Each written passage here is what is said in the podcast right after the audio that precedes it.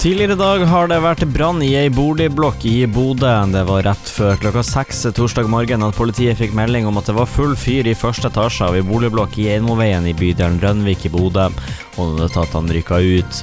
Det forteller operasjonsleder Ivar Bo Nilsson ved Nordland politidistrikt. To personer ble sendt til sykehuset med ambulanse. Begge var bevisst, ifølge politiet. Det er 19 folk registrerte på adressen, og eh, alle ble henvist til hotell etter å ha blitt evakuert.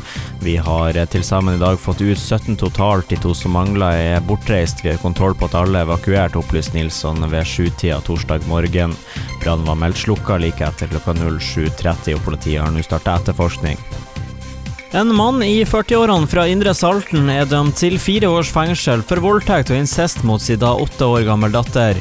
I tillegg må mannen betale en erstatning til datteren på 200 000 kroner, skriver Saltenposten.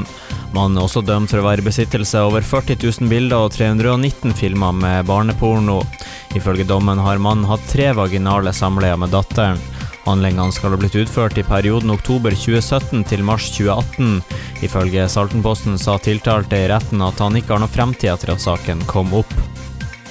En mann i 80-årene i Asker og Bærum tingrett dømt til tre år og tre måneder fengsel for voldtekt av sin søster som er i slutten av 80-årene. Voldtekten skjedde under en overnatting på brorens hytte. Mannen har nekta straffskyld og viste til at en hjerneskade han fikk i 2017 kan ha hatt betydning, og retten la vekt på hjerneskaden og mannens alder.